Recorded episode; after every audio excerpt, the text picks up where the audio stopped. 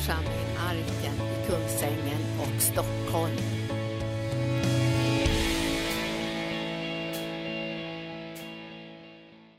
Äntligen är det dags att predika. Det är, det är ju konstigt vad det dröjer. Jämt. Konstant dröjer det. Man får en hunger efter att predika evangelium. Alltså det är en förmån. Det är ju naturligtvis en, en, en förhållandevis lätt match att predika evangelium för frälsta eh, liksom slå in en öppen dörr kan man säga. Men andra sidan så när evangelium handlar också om att du ska bli så gripen av evangelium så att du inte kan vara tyst. Utan att du pratar med människor om vad du har funnit och vem du tror på. Det ska komma därhen alltså, med evangeliet. Det ska liksom tränga sig in på djupet i ditt innersta så att du blir fri.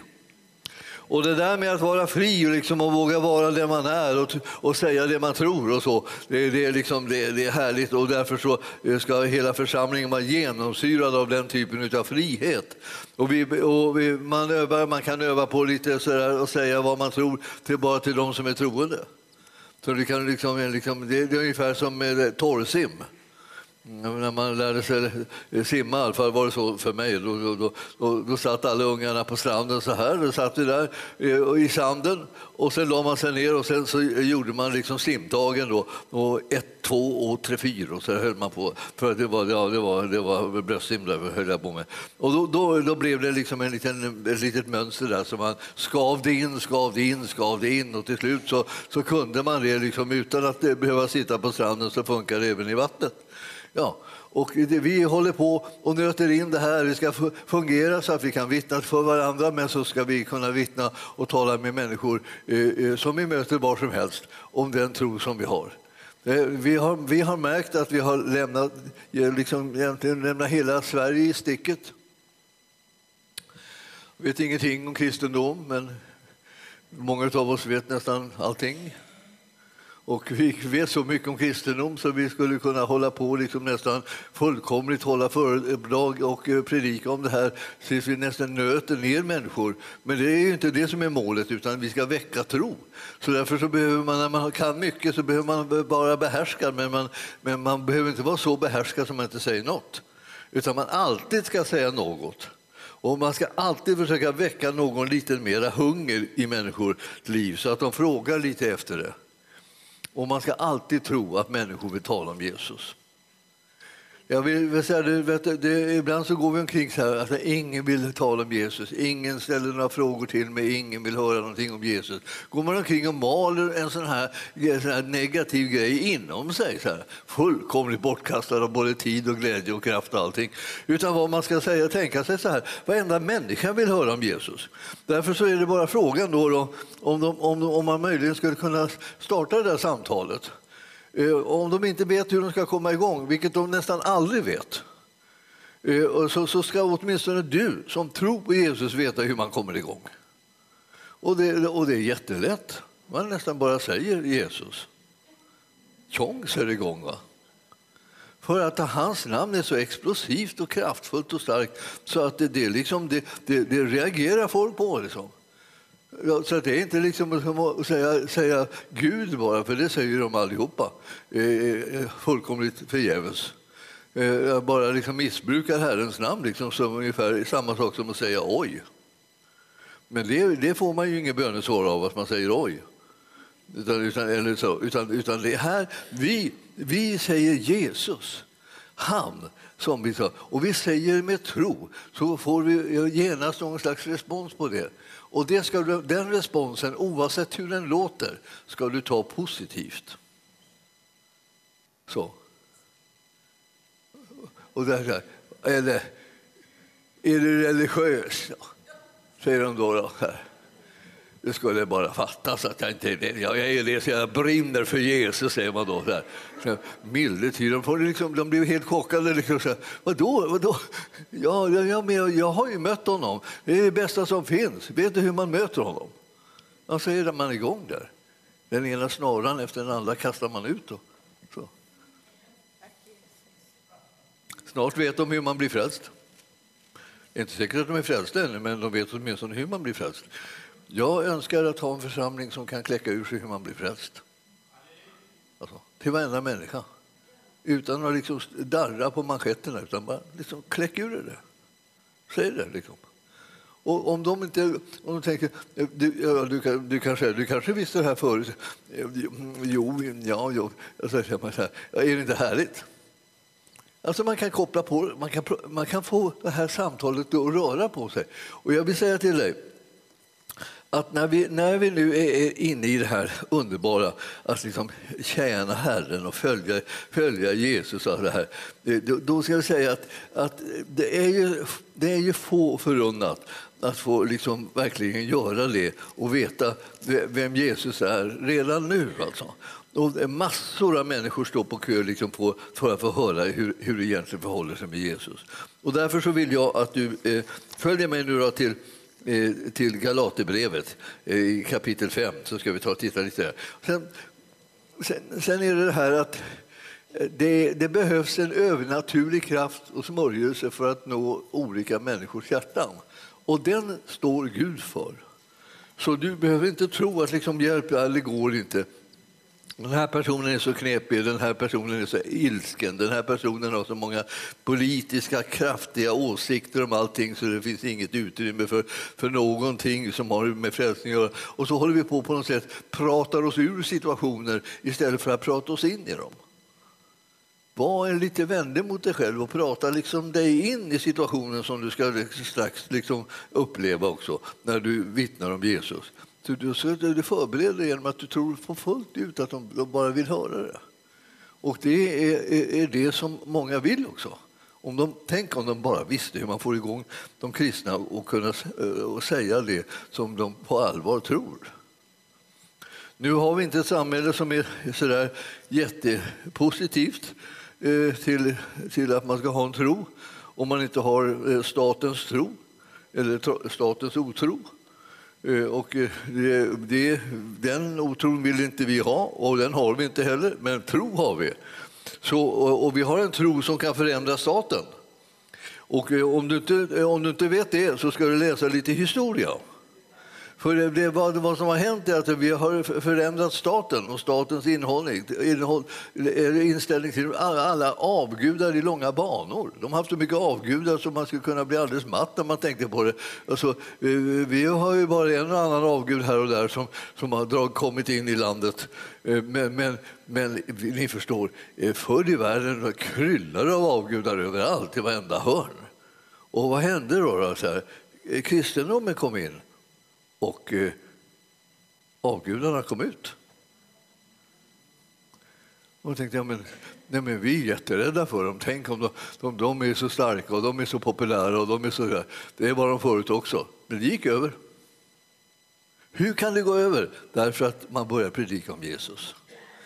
Jesus är det absolut bästa som finns. Och när vi talar om honom så finns det inga erbjudanden någonstans ifrån, från mörkrets alla hörn, som skulle kunna vara mer attraktivt än att få lära känna Jesus. Ingenstans finns det. Och vi har sett hur det har gått. Tänk, tänk er att, att det här jättelika världsriket, romarriket, kunde gå och bli ett kristet land.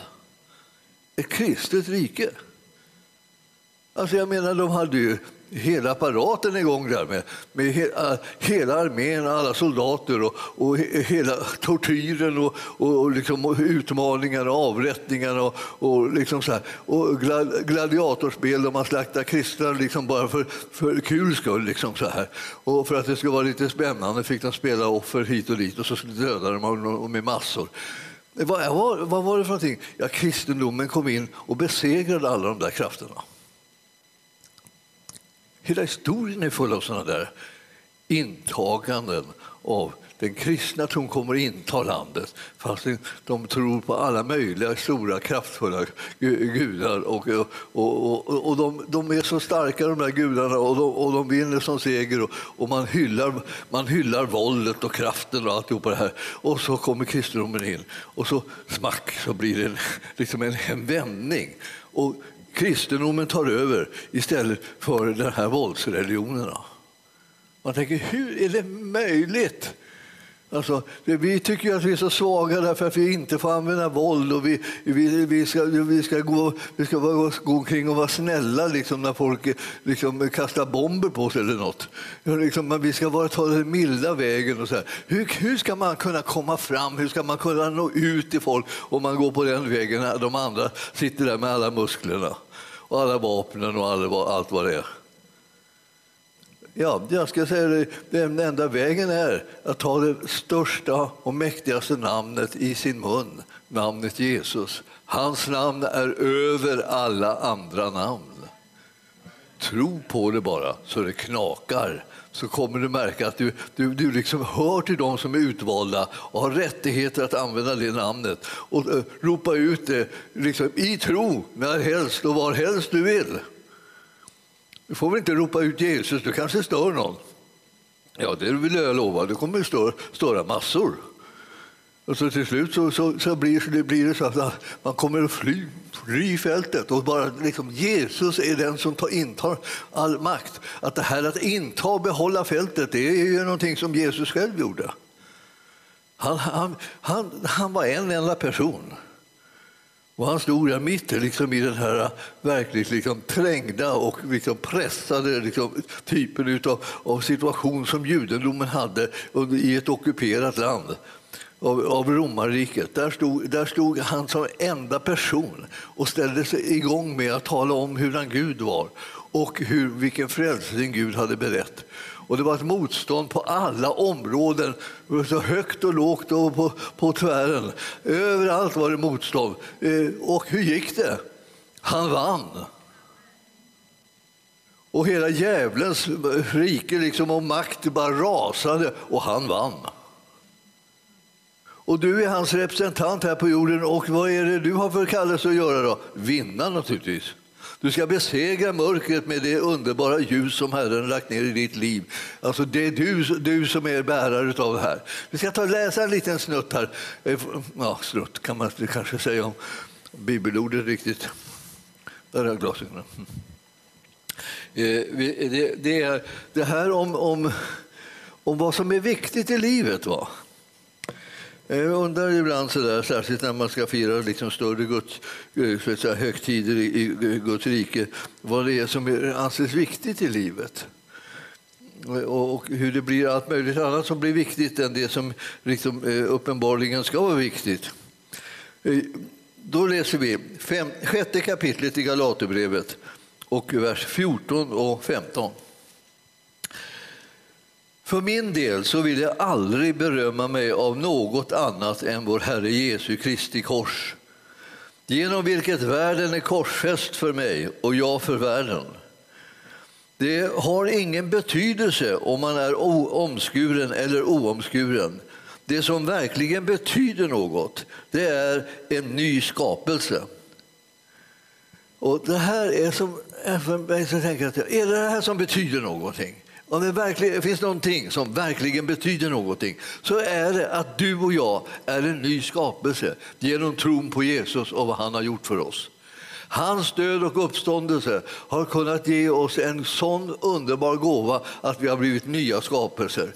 Det, det gamla är förgånget och det nya har kommit. Vi är inte längre fast och snärjda in i världen på olika sätt i dess olika system och dess olika nätverk av, av fruktan och manipulation och, och, och eh, krav hit och dit. Utan vi är fria ifrån det. Och det, det, har, det har ingen betydelse om man är omskuren eller oomskuren. Vi har, det har ingen betydelse med sådana här yttre ting. Inte ett dugg. Och, eh, och sen står det vidare så här att när eh, Nej, om, det, om det är något annat alltså, som, som har stor betydelse och, och det är vår Herre Jesu Kristi kors. Därför där så tog han och betalade det yttersta priset.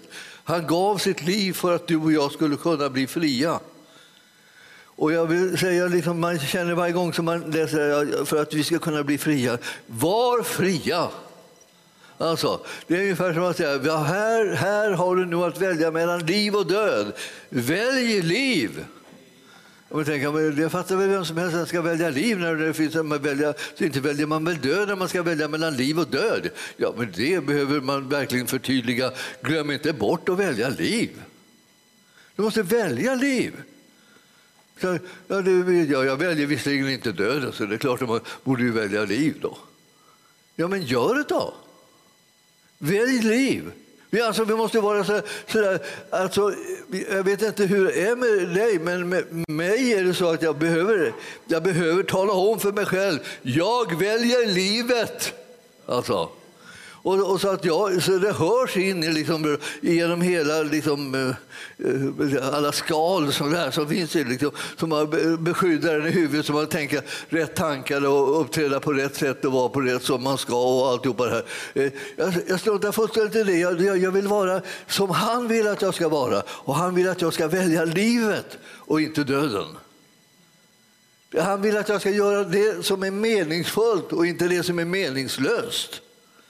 Han vill att jag ska ta emot den kraft och det, det är liksom de, de, underbara gärningar som han har gjort för mig. De ska jag ta emot fullt ut, bejaka dem, rycka dem till mig så att jag har dem allihopa. Jag tänker inte liksom låta någonting av det här som är det underbara evangeliet slinka igenom mina fingrar så att jag missar det. Utan jag ska ha det alltsammans, alltsammans. Och tänkte vad fruktansvärt du har blivit girig. Jag menar det. Det har jag blivit därför att det räcker åt alla. Det är meningen att du ska hungra och törsta, liksom sträcka dig efter, längta liksom efter det som Gud vill ge dig. Släpp det inte, släpp det inte. Och då tänker man, ja, ja ska, vi, ska vi hålla på så här? Eller så sitter giriga krubben här och skriker ge mig, ge mig, ge mig. Ja, visst, allt det som Herren har lovat att ge dig ska du absolut ta emot helt och fullt, inte, inte backa en millimeter, inte släppa ifrån dig ett, ett dugg till någon annan. Därför att det här är till dig. Det finns saker och ting som är till dig från Herren som du måste ta emot. Och när du väl har tagit emot det, så, då börjar du bli rustad för att dela med dig hur mycket som helst. För då har du fått en outsinlig källa och det är den som gör att människor kan bli berikade och välsignade runt omkring dig. Men om du inte tar emot själv så har du ingenting att ge ut. Så det gäller att vara självisk först, om jag vågar säga det. Då är det någon som tänker så här, men det gäller att vara osjälvisk. Ja, men det är väl ingen idé att vara osjälvisk, starta med att vara osjälvisk så genom att man tackar nej till allting han vill ge. Liksom. Ge det till någon annan, bry inte om mig, ge bort det till någon annan. Ta emot det själv och sen kan du bli en kanal för det. Har ni någonting emot det? Jag bara, jag bara undrar vad ni har för liksom inställning. Ni håller på att bränga ner mig, tycker jag. Liksom, nästan som om jag, som om jag, som jag inte hade eh, rätt i det här. Det här är ju, det här är ju fantastiskt. Alltså, det har ingen betydelse om man är omskuren eller oomskuren. Alltså, det här som man gjorde så kolossalt väsen om. Alltså, är det omskuren eller inte omskuren? Liksom. Man bråkade om det så till den milda grad. Så, så romarriket ansåg att, så, att det här folket som bor i Palestina det är det trassligaste och bökigaste folk man har att göra med i hela världen. Alla andra förstår ju åtminstone böj, när vi skriker böj eller vi höger huvudet av det, då, då, då böjer de sig. Inte judarna inte. Men de böjde sig inte. För de tyckte att det var väldigt viktigt det här att, att man skulle vara omskuren och inte oomskuren. de gick inte med på det. De kunde inte ens tänka sig liksom att kristna sen ens att tända lite rökelse bara för att liksom ge ära till kejsaren. Vad spelar lite rökelse för roll, skulle vi säga i våra dagar, när man tycker att ingenting spelar någon roll. Men på den där tiden spelade det en fruktansvärd roll. Alltså det var, för dem var det så här, ska jag svika min Gud? Ska jag ge upp allt som jag tycker är viktigt, allting som har någon betydelse i livet? Ska jag liksom förlora allt all eh, innehåll, allt värde av det liv som jag har blivit kallad att leva? Är, är det tänkbart att jag ska eh, bete mig på det viset? Aldrig i livet var svaret. Jag tänder inte ens en liten pinne, ett litet, en uns rösk, eh, rökelse till någon ära för någon avgud. Jag följer Jesus och ingen annan. Och då, då, då, då, åkte man in på den här banan och, och blev liksom till underhållning för hedningarna medan man dödades av vilddjur och, och gladiatorer. Jag ska säga att det var så, det var så imponerande så att den skörd som det blev för var och en som frimodigt tog sitt liv blev liksom jättestor. Människor liksom, eh, sökte Gud för att de såg hur, vilken, vilken överlåtelse, vilken brand som fanns i de troende. Det är fortfarande så här att det är av stor betydelse att det finns någon slags brand i de troende så att världen kan se att det här är viktigt för dem. Förstår ni det, liksom det här att det ska vara viktigt för någon? Alltså att tro på Jesus, det är viktigt för oss. Att vi just tror på honom, det är hur viktigt som helst. Det går inte att byta ut mot någonting annat, det är det som är viktigt. Och när vi talar om det och när vi vittnar om det så gör vi det frimodigt och inte som sådana små rädda hönor. Liksom, så här. Lättskrämda och, och nervösa. Utan vi tror på det här. Vi följer Jesus, vi ärar honom, vi vet att han har dött och uppstått för oss. Han har förlåtit oss våra synder, vi har evigt liv.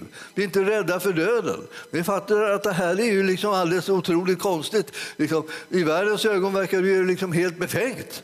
Men, men vad gör det? Hur det är i världens ögon? De ska snart se saker och ting med våra ögon. Och då kommer de att säga att Jesus är frälsaren, han är räddaren, han är Herren. Det är han som kan göra all, hela skillnaden i livet. Det är han som kan bevara människor så att de får evigt liv och, och aldrig någonsin kommer att dö. Gemenskapen med Gud, liksom, den har ingen, ingen slut. Det här, jag, jag, jag gillar sånt här. När det, Paulus han är, tillräckligt, han är tillräckligt radikal för min smak. Egentligen. När jag läser honom så tänker jag åh, han, han kräcker ur sig saker precis som, det, som man ska. Liksom. Och, eh, och, och, det är inget fel på när Jesus gör det heller, ska jag säga kort och gott. Därför att de är så radikala och de är så modiga. Och de är så självklara i vad det är som är sanning och vad som är rätt och var vägen går och vilket val man ska göra. Så vi följer dem. Så följ mig så som jag följer Jesus, säger Paulus. Alltså. Visst. Halleluja, vet du. Det, är, det är bara att tänka tack och lov, det ska vi göra. Vi följer, vi följer honom som han följer Jesus. Då är man säker på liksom att man kommer att hålla sig på vägen hela, hela tiden och inte vika av någonstans, inte bli rädd för någonting. Milde tid, vad, vad, vad bra det här är.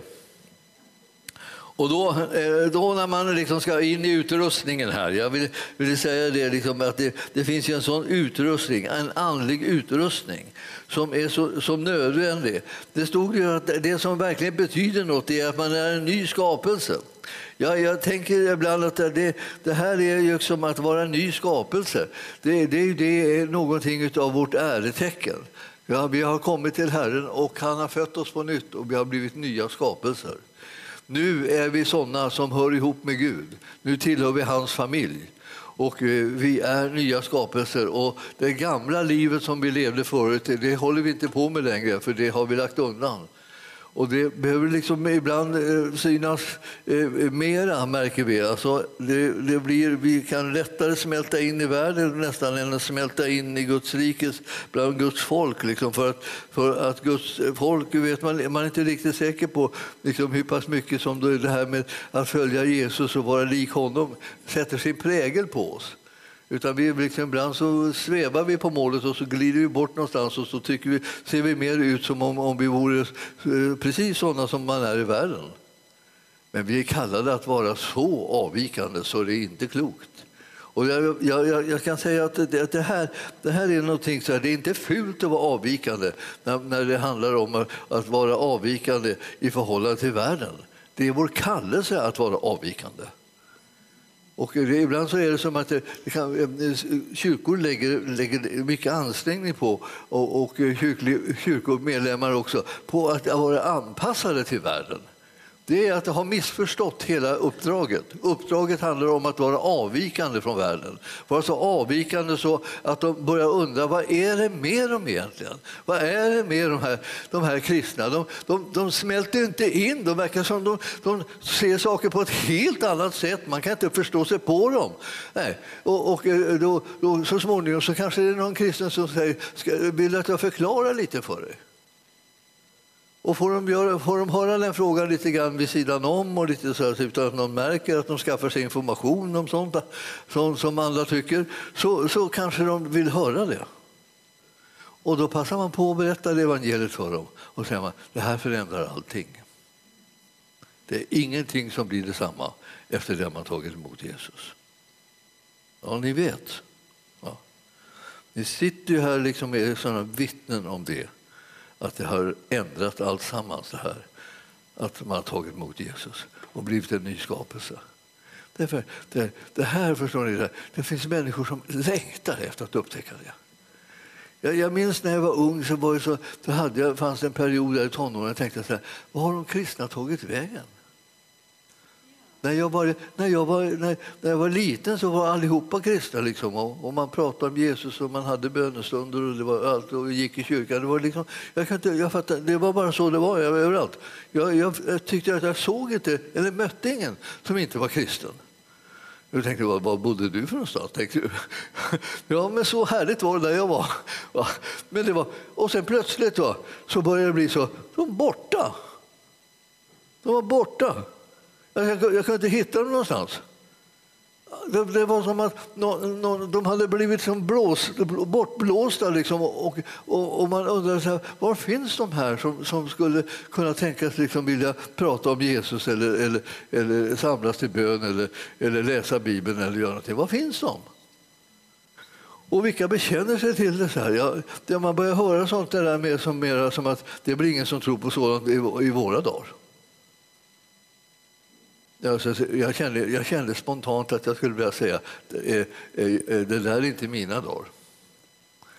Om det, om det finns några sådana där dagar då, då man inte tror på Jesus så inte blir det mina dagar. För de dagarna vägrar jag ha som mina. Jag, I mina dagar så man, jag har man dagar då man tror på Jesus. Kort och gott, rakt på, ingenting annat. Det är precis det som gäller. Och, eh, och jag tänkte att om vi så här när det börjar liksom nalkas påsk och så, här, så börjar, liksom börjar jaga, jaga oss själva lite grann till att upp, liksom uppfatta vad är det som vi ska sprida, vad är det som vi ska stå för, vad är det vi ska göra i den här världen egentligen. Man har ju bara liksom en liten stund på sig här i livet och så är det över här. Och, och vad blev det då, då liksom för någonting? Blev det något? Ja, det här är ju det här är förmodligen en gammelmans fråga. Men jag har ställt det många gånger i livet vid olika tillfällen. Blir det något av det här? Eller blir det ingenting? Får vi, får vi inte ur oss budskapet? Får vi inte, får vi inte förmågan någonstans att öppna människors hjärtan och, och väcka förtroende så att de tar emot det budskap som vi har? Om vi inte får det, vi kanske vi ska ändra lite grann på det här så vi, gör, så vi får, får fram budskapet ordentligt så att vi väcker människor till tro. Vårt liv ska vara fullt av frukt.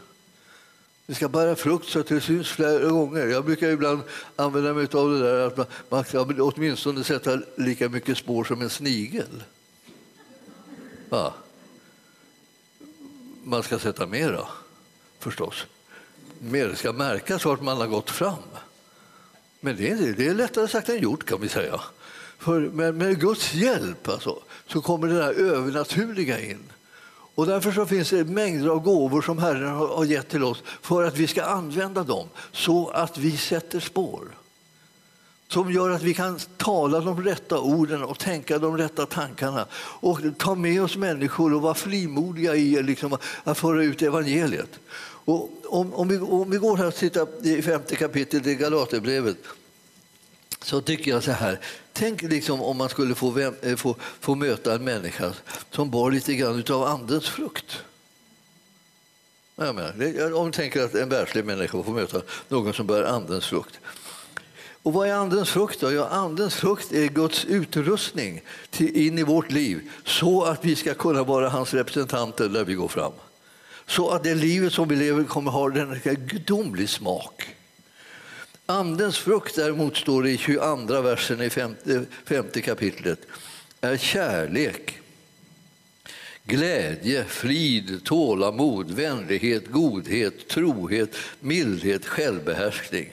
Ja, alltså, om man tänkte att man bara fick med några stycken sådana där och, eh, liksom, och gav prov på det. Vilken, vilken, vilken positiv reaktion det skulle vara för, liksom, för världen. Där de kristna trodde, bara, de, de trodde om de kristna i världen så att de bara går omkring är dömande och fördömande och, och, och, eh, och rynkar på näsan åt allting och, och, och, liksom, och försöker liksom tala och, och fostra och förändra människor så att de ska bli rätt nu. Och eh, nu tycker de att alla, alla har fel och, och, och, alla lever fel och alla gör fel. Och så här. Och vi har massor så här mycket, mycket som negativ eh, eh, liksom, atmosfär runt omkring oss därför att vi, vi, vi tycks ha liksom en, en dömande attityd.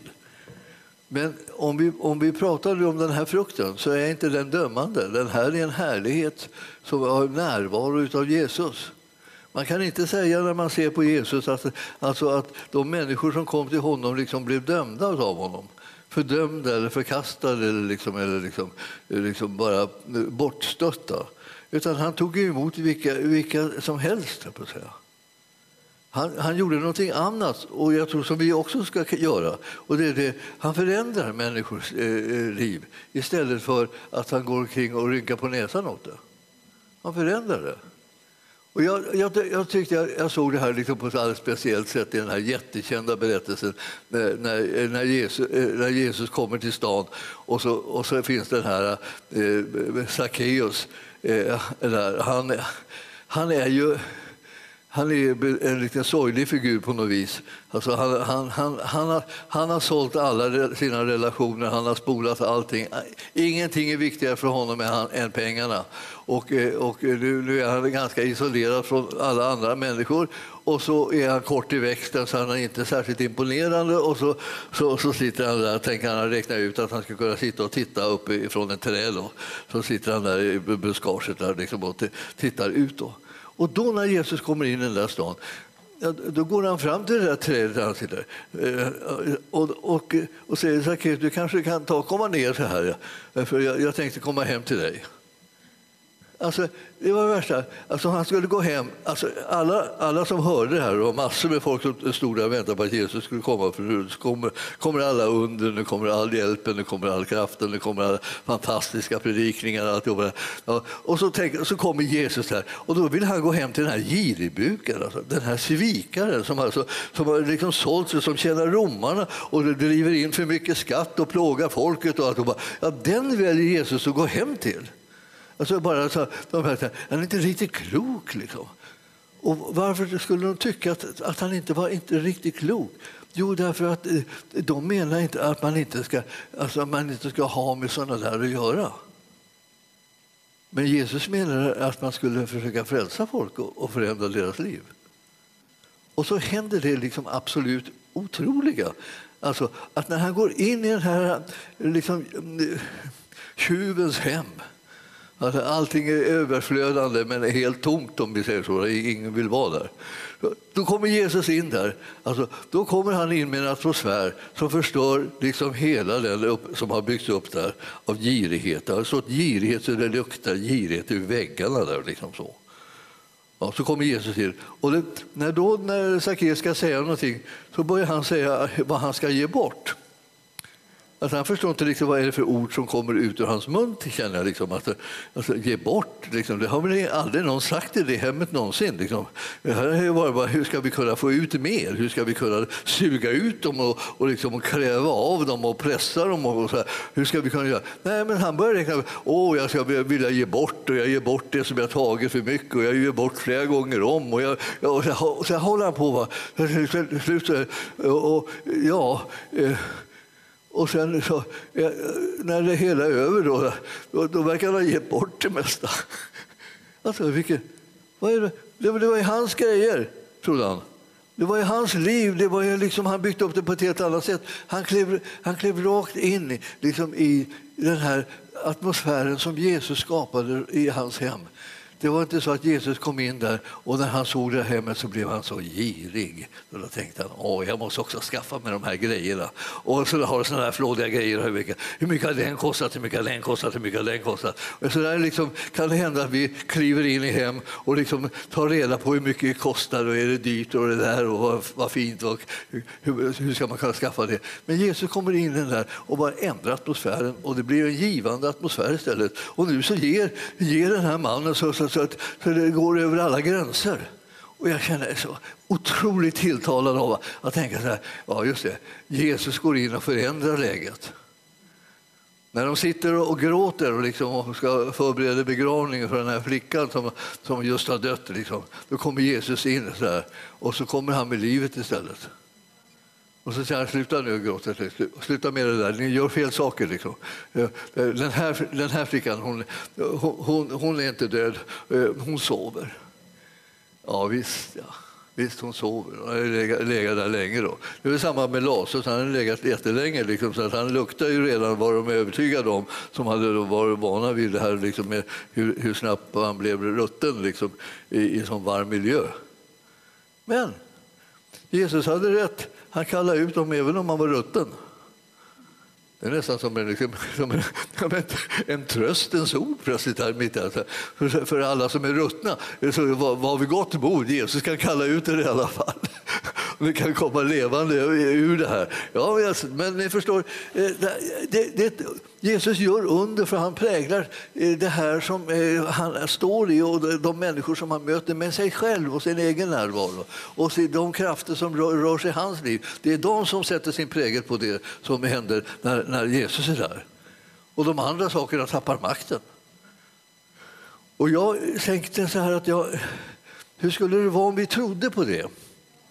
Alltså, när vi möter människor och när vi är bärare av evangelium och när vi ska predika frihet för de fångna, syn för de blinda. Och liksom, det är ju det som är ett sånt fantastiskt budskap som Jesus alltid hade.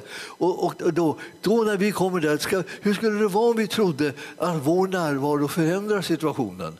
Förändra atmosfären, förändra möjligheterna för människorna som vi möter. Istället för att när vi kliver in så blir vi jätterädda för den atmosfär som de har. Och, och, och så tänker vi så här ska jag inte säga någonting för mycket, nu ska jag vara försiktig, det kanske inte är rätt ögonblick nu, det kanske inte passar sig just nu, jag kanske ska invänta en bättre, liksom, när det, när det är, liksom, är lämpligt att jag nämner någonting eller säger någonting. Men så var det inte alls, Jesus satte eh, liksom sin prägel på det ställe där han klev in. Jag skulle vilja rekommendera dig och mig att göra detsamma. Låt oss sätta vår prägel på det som vi kommer in i. Låt oss inte bli offer för omständigheterna. Låt oss istället vara de som sätter sin prägel på det. Här kommer vi och vi kommer här med det som vi har fått av Jesus. Och vi är nya skapelser och vi har fått ett evigt liv. Och vi är frälsta och vi är förlåtna och vi är älskade av Gud. Och vi har ett budskap till dem som vi möter att de också är älskade av Herren. Och det har inte ett dugg med vad vi vet om deras liv och hur det är och hur de har lyckats med det ena eller det andra. Utan det har bara att göra med vilken Herre vi har, hur god han är. Och vi vet det eftersom han har tagit emot oss, så kommer han också ta emot dig som jag möter. Och så på det här viset så kan vi liksom få människor liksom att, att, få hopp när de möter någon som representerar Jesus istället för att de får skräck, skräcken av det. Liksom. Tänk, nu kommer, nu kommer han, domaren. Eh, nu, nu, nu är det slut, liksom. nu, ska, nu, ska allting, nu, nu ska gå till rätta med ja, Det är väl ingenting som duger här i mitt liv. Men Jesus håller på att förändra liv och vår kallelse är att förändra liv. Och det gör vi genom att presentera Jesus för människor. Och så är det då, så att nu när vi går till eh, det här stället i, i Apostlagärningarna, jag, jag har hållit på lite grann, jag, jag, har, jag har lite grann med det här med man och kvinna på hjärtat hela tiden. Jag tycker att det är så fantastiskt att när vi samarbetar så, så ska vi få ut hela fullheten av evangeliet. Och, jag, eh, och I Apostlagärningarna så, så, ska vi läsa där i den Joels profetia, halva den, halva är ju liksom mera lite, lite i framtiden, men halva är liksom det som var precis på pingstdagen. Och det är andra kapitlet i Apostlagärningarna och det är från versen 16. Nej, Det är detta som är sagt genom profeten Joel, säger nu Petrus när han ska förklara vad som hände på pingstdagen. Och det ska ske de sista dagarna, säger Gud, och jag ska utgjuta av min ande över allt kött. Och era söner och era döttrar ska profetera, era unga män ska se syner och era gamla män ska ha drömmar. Ja, över mina tjänare och tjänarinnor ska jag i de dagarna utgjuta av min ande och de ska profetera. Och det här är ju liksom det som vi ska göra. Profetera betyder ju liksom inte bara det här mycket specialgrejer när en profet eh, talar ut ord och, och, som har mycket att göra med framtiden och så, talar om vad det är som komma skall och sådär. Utan det här med att profetera, det är liksom att, att tala inför människor ja, om Guds väldiga gärningar, om hans godhet, om hans seger och om den frälsning som finns och så. Det är det som är det att profetera, att stå inför människor och, och hålla ett tal som innehåller budskapet att Gud är en god Gud och han har sänt sin son och eh, han har möjlighet att frälsa alla de som sätter tro till honom. Så att ingen ska behöva liksom missa den, den frälsningen som han har berättat utan alla ska kunna bli kandidater till att ta emot den. Och, och då när, vi, när man läser, läser, det här så ser man alltså att här är det både eh, män och kvinnor, unga och gamla, eh, och tjänare och tjänarinnor. Alla liksom bara är, är med och får del av den här fantastiska utgjutelsen som gör att man vågar profetera. Det vill säga att man vågar tala ut det kristna budskapet, man vågar sprida evangelium. Den heliga Ande kommer över oss så att vi vågar föra ut evangelium. Alltså det är ju så där att, liksom, att det finns just jättemycket fruktan liksom bland oss. Alltså, så att, att eh, en del älskar att föra ut evangelium helst så långt bort som möjligt från där de bor. För då tycker de att det känns tryggast. Då tänker man att de här människorna kommer jag ändå aldrig möta mer. Så det gör ingenting om jag gör bort mig då en liten stund och sen så sticker jag hem igen och så får jag vara i fred. Liksom, så det blir ingen fara. Ingen kommer hacka på mig, ingen kommer sen och jaga mig och ställa massa konstiga, knepiga, eh, attackerande frågor eller någonting sånt där. Ja, det, det är konstigt det där. Va? Vi blir rädda istället för att eh, vi blir glada över att vi har chansen att få säga någonting gott om Jesus. I de här gamla domsförhandlingarna som var på, på, på, på Jesu tid så hade man ofta liksom den här möjligheten, när man hade anklagat någon så sa man, kan det, finns det någon som skulle kunna säga någonting gott om den som är anklagad här, så kliv fram och säg det. Och då klev folk fram och sa någonting gott om, om den anklagade. Det var de som kände, kände personen och som visste någonting om den och inte bara de som hade liksom drabbats av den när den hade gjort någonting som var fel.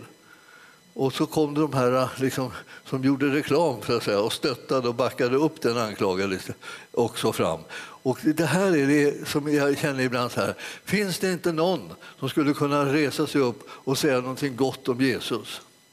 Alltså, finns det ingen som skulle vilja göra det när man, när man sitter vid kaffebordet eh, eh liksom på arbetsplatsen liksom, eller när man sitter i släktträffen eller, eller vad det är för någonting ställe där, man, där de flesta liksom inte är troende och de sitter liksom och, och, och skämtar om sånt som, som har med den kristna tron att göra. Finns det någon som skulle kunna resa på sig och säga någonting gott om Jesus där? Ja, det är verkligen en fråga. Va? För att man blir rädd för, rädd för människor. Det är jättevanligt. Det här, jag tror att, att vara rädd för människor är en andemakt. Och den behöver man bryta. Och du kan säga själv liksom, i namnet Jesus att du liksom lösgör dig från den andemakten som känner fruktan för människor. Du har ingenting att frukta, för han som är med dig är större än den som är i världen. Du kan vara trygg. Men du behöver liksom driva ut det här ifrån ditt liv känna fruktan för människor. Det förstör dina relationer och det förstör ditt liv också. För när du har gått ur den här situationen där du inte har vågat kännas vid din Herre inför människorna så, så känner du dig så illa till mots. Och det är så bedrövligt. Alltså, du önskar att du skulle kunna få en chans igen. Och det får du säkert. Men det är inte säkert att du då är beredd heller om du inte hade sett till att de här makterna och krafterna när man är rädd för människor är ur ditt liv. Och att du istället liksom vågar frimodigt säga det goda om Jesus som du känner till och som du faktiskt är övertygad om att det är det som gäller. Det är det som människorna behöver höra. De behöver höra att någon säger något gott om Jesus. De behöver inte möta fler fegisar. Nej.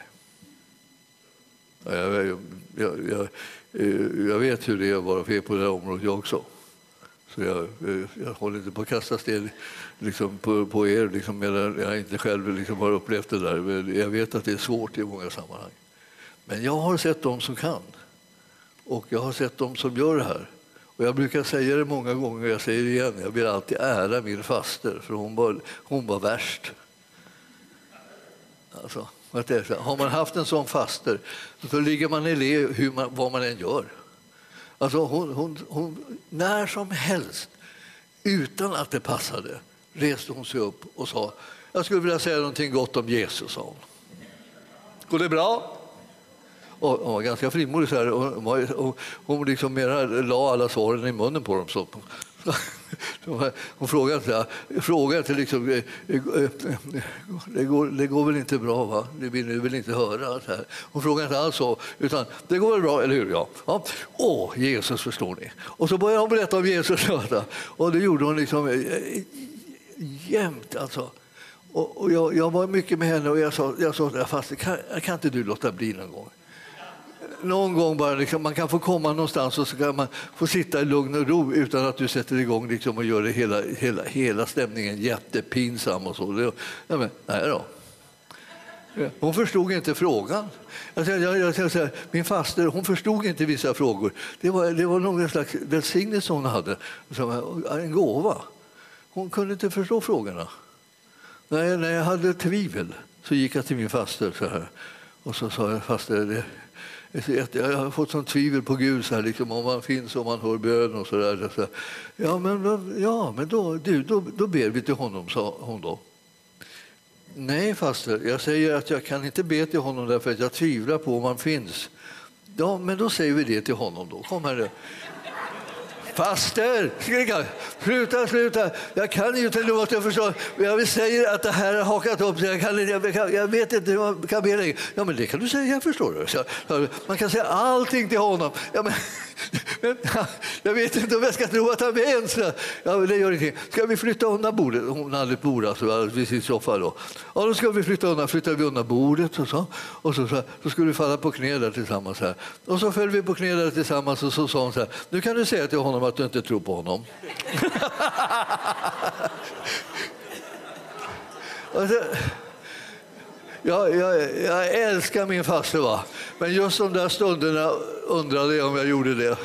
Då kände jag liksom att vad är det här för någonting? Det är som är eh, goddag yxskaft. Liksom. Jag kan, förstå, för, kan jag inte göra mig förstådd för fem öre? Liksom. Nej, det fanns, den där biten fanns inte i hennes värld.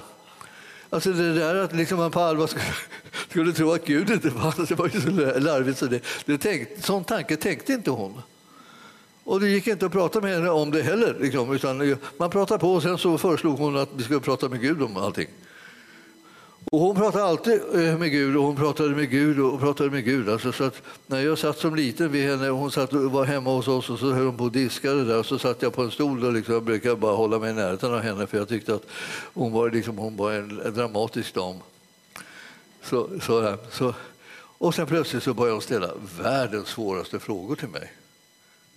Alltså, och jag funderade och jag kämpade med det här så tänkte jag, nej, faster, så jag, jag kan inte svara på de här frågorna.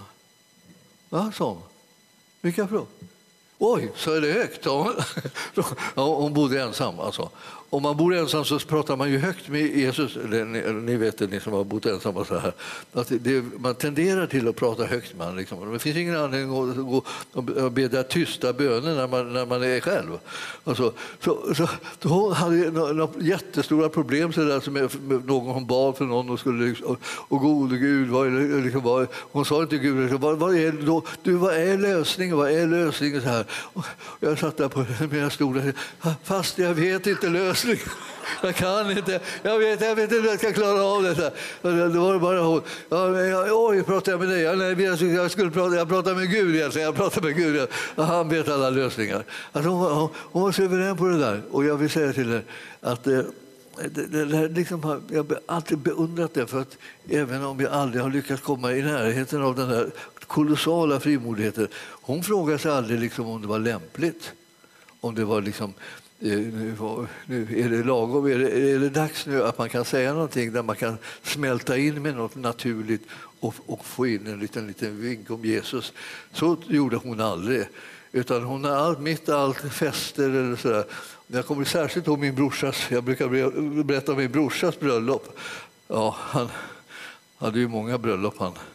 Men, men det, det första då. Det första då, när man satt där. Och vi, vi kände inte varandra när släkten kommer samman och, det, och, liksom, och man trodde inte liksom, eh, särskilt mycket på Gud i den där släkten och, och, som vi träffade. Och, och så var faster bjuden också. Och då när, när vi precis hade kommit igenom där och kan få igång det där, var kommer du ifrån och, och vad jobbar du med och det här. Så var det plingade då, då för jag tänkte ja, det var fasten nu, skulle hon hålla tal. Och då började hon tala om Jesus. Då, då. Och hela, hela stämningen i hela salongen där vi satt, liksom fest, den bara, bara dog. Liksom så här. Och, eh, och, och det märkte inte min faste. Hon märker aldrig sådana där saker som hade någonting, någonting negativt mot Gud. Och så, nej, nej, nej, det märkte hon aldrig. Utan då hon, hon predikar på och talar om Jesus och hur man ska bli frälst och, och hur mycket han älskar människor. Hon hade en jättefin predikan så här om det, men det var liksom alla, alla, alla satt så här. Liksom. För de flesta tror ju liksom att när pratar man om Gud så pratar man om döden. Liksom. Man pratar ju om livet, men det har de inte hört någon gång. Så de tänker så här, här, här är något otäckt på gång. Och sen när hon äntligen satte sig ner, då var det knäpptyst. Och sen tittade alla på sina tallrikar och där låg sådana små trekantiga mackor, ni vet. Så alla började ta upp sina bestick och skära dem där. Eller hela. Ingen, ingen visste vad de skulle prata om längre. Ingen hade någon tråd kvar. Allting liksom var liksom bara liksom totalt det fallit samman. Va? Och, och så, då jag tänkte jag så här, nu ska jag ta itu med faster. Tänkte jag. För hon var alldeles för mycket för att hålla på och vittna jämt. För det här måste bli ett slut. Hon förstår liksom hur hon ställer till med.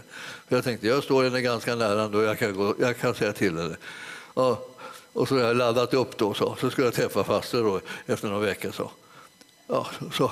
Och innan jag hann då, säga någonting då, så säger jag, är det inte fantastiskt så? Vad, vad roligt det är att, att, få, få vittna för människor och vilken hunger det finns.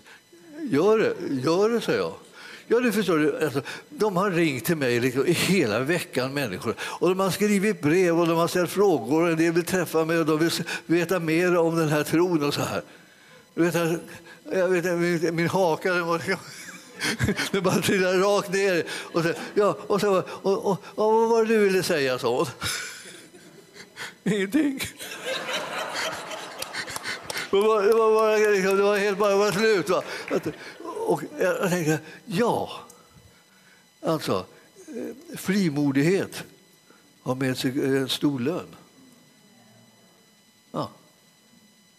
Och hon var, hon var liksom ett exempel på frimodighet. Och jag vill säga att det är när vi nu ska föra ut evangelium och, och jag, jag, tror på att man ska göra det liksom på nära håll huvudsakligen. Man ska göra det nära.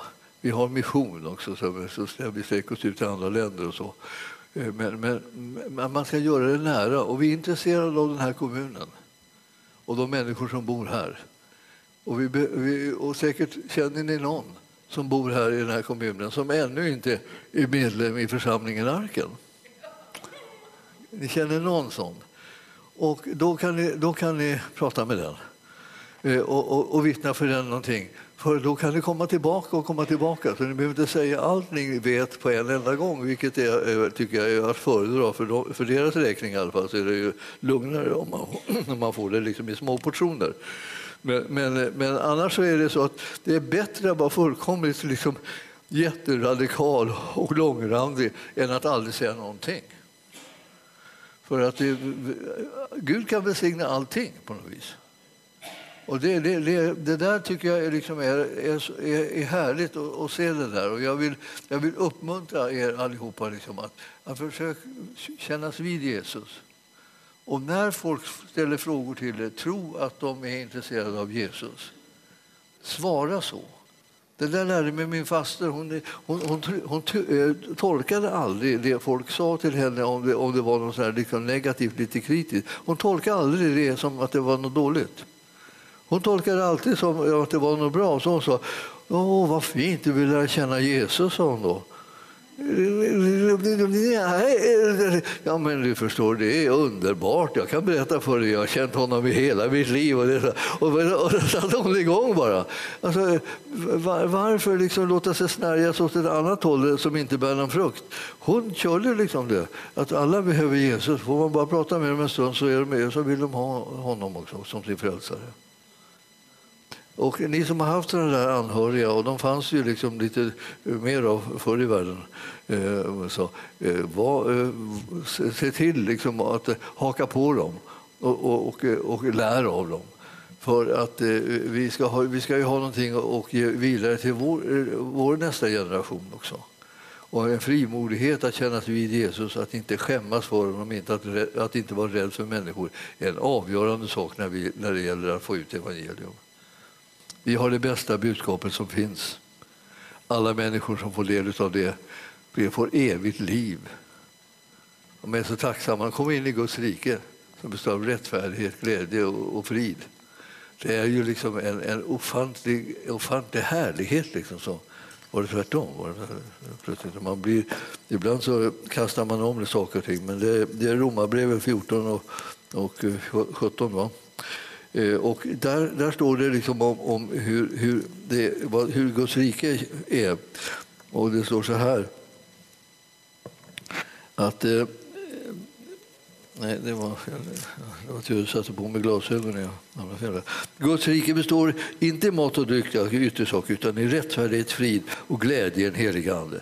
Alltså jag känner det, det är det som du och jag har att förvalta.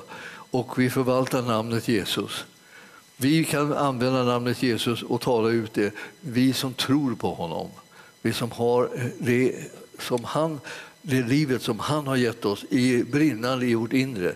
Det blir skillnad på när vi talar ut det här namnet. Det liksom påverkar människor. Det blir, det blir en kraft bakom det. Det blir någonting som liksom verkligen liksom väcker en hunger och en längtan. Eh, så eh, man, man kan liksom sitta och göra gymnastiska övningar så man, så man blir helt sliten för, för att kunna få frid. Och det ska leda till som frid och frid. Och, och, så och, man, och man tränar och man tränar och man böjer sig hit och man böjer sig dit och man, och man ligger på alla, på alla möjliga olika ställningar. Men så finns det Guds frid som är liksom någonting som kännetecknar Guds rike. När man kommer in i Guds rike så kan man bli delaktig av, av den frid som, som Herren ger, den som aldrig sinar. Och tänk om de visste att den var gratis. Alltså. Man behövde inte gå på ett enda gym och liksom, trassla in sig i främmande religioner utan man kunde få del av Guds frid utan att göra någon som helst särskild ansträngning. Herren har redan vunnit det för vår räkning. Himmelske Fader, jag ber att du ska öppna våra hjärtan och att du ska öppna våra sinnen och att du ska eh, låta våra liv bli fyllda av tillfällen då vi möter människor som vi skulle kunna vittna för och tala om hur underbar Jesus är, hur viktig han är för oss och hur härligt det är att människor ska kunna bli frälsta. Tänk Herre, för varenda människa som vill säga Jesus kom in i mitt hjärta och fräls mig, så kommer han. Ja, vi, vi, vi här, gör det också nu om det finns människor här idag som, vill, som längtar efter att bli frälsta. Så bara eh, kom till dem, Herre, när de säger Jesus kom in i mitt hjärta. Förlåt mig mina synder, fräls mig. Ja, du har ju redan gjort allt det här. Och när de tror på dig och vill ta emot från dig så tar du också och ger dem allt det som de behöver. Vi prisar dig, Herre, för att det här är ingenting som vi behöver behålla för oss själva, ingenting som vi behöver slå vakt om så här så att ingen annan ska få smaka det. Utan vi, vi kan ge bort allt det här som vi har för att vi har en outsinlig källa. Och du som är vår Herre, du har vunnit en seger för oss allesammans. Jag prisar dig Herre för att vi ska få vara de som är glädjebudbärarna, de som bär ut det här underbara budskapet eh, om frid eh, på jorden och frid mellan Gud och människor. Och vi ber dig Herre, låt din kraft och din härlighet verka i och genom oss så att vi sprider glädje, helande och, och frihet bland människorna. I Jesu namn. Och församlingen sa Amen. Halleluja. Tack Jesus. Tack för att du har lyssnat. Vill du få del av mer information om församlingen Arken, vår helande tjänst, bibelskola och övriga arbete, gå in på www.arken.org.